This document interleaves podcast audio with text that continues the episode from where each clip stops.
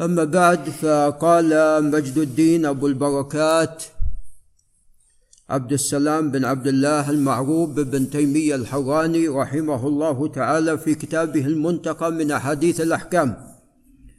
قال باب جامع القراءة في الصلوات. كان الرسول صلى الله عليه وسلم لا شك أنه كان له هدي. في القراءة في الصلوات يعني ما زاد على الفاتحة. فكان يطيل في صلاة الفجر عليه الصلاة والسلام وأيضا يطيل في الظهر وتقدم لنا أن الإطالة في الظهر أو أن القراءة في الظهر تأتي بعد صلاة الفجر. والعصر على النصف من الظهر والمغرب أحيانا واحيانا. أحيانا يطيل عليه الصلاة والسلام كما ثبت أنه قرأ بسورة الأعراف. وأحيانا يقرأ بقصار المفصل. نعم. وأما العشاء فوسط. العشاء وسط. نعم يقرأ بأواسط المفصل. نعم. قال عن جابر بن سمرة رضي الله تعالى عنه أن النبي صلى الله عليه وسلم كان يقرأ في الفجر بقاف والقرآن المجيد ونحوها. هذا في الفجر وكان صلاته بعد إلى تخفيف يعني الظهر والعصر يخففها أكثر من الفجر فالصلوات التي بعد الفجر تكون أخف.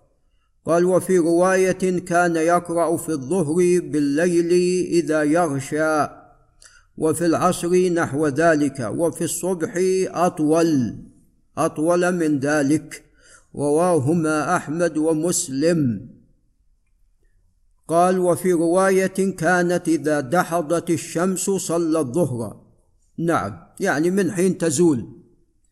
وقرأ بنحو من والليل إذا يغشى والعصر كذلك يعني نحو ذلك. والصلوات كلها كذلك إلا الصبح فإنه كان يطيلها رواه أبو داود.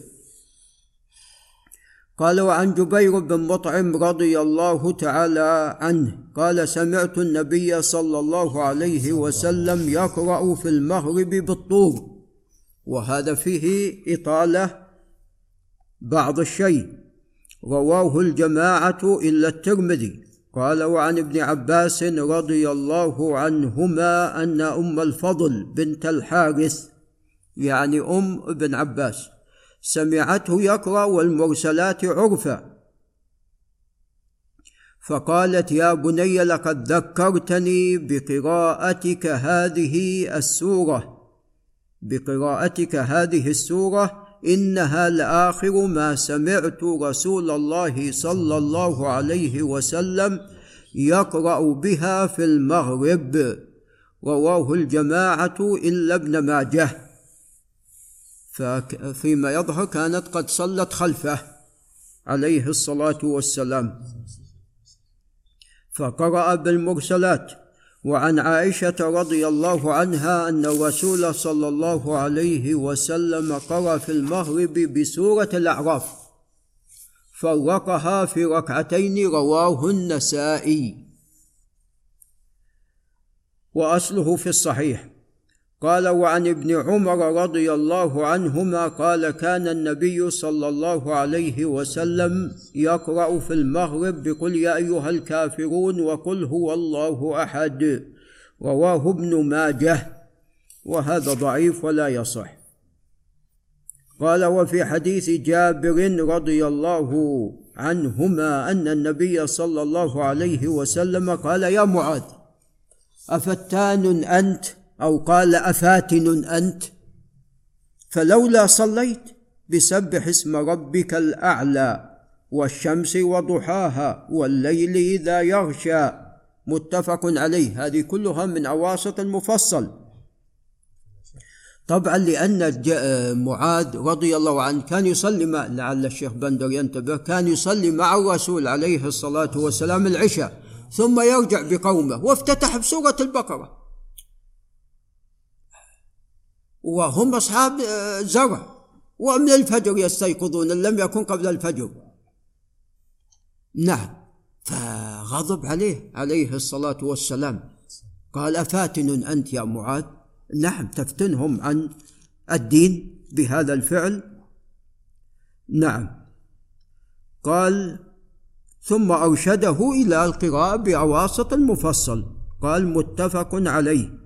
قال وعن سليمان بن يسار عن أبي هريرة رضي الله عنه قال ما رأيت رجلا أشبه صلاة برسول الله صلى الله عليه وسلم من فلان لإمام كان بالمدينة. ما هي صلاته؟ قال سليمان فصليت خلفه. اغتنم سليمان بن يسار وهو تابعي جليل عالم. اغتنم قول أبي هريرة بأبي تعلم صفة صلاة رسول الله عليه الصلاة والسلام. فذهب وصلى خلفه.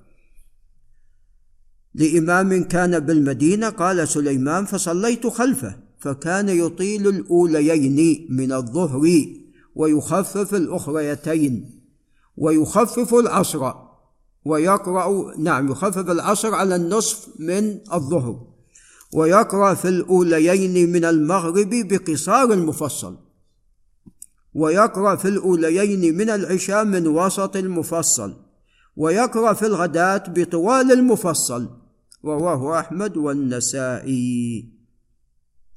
نعم ولعل نقف عند هنا. هذا وبالله تعالى التوفيق.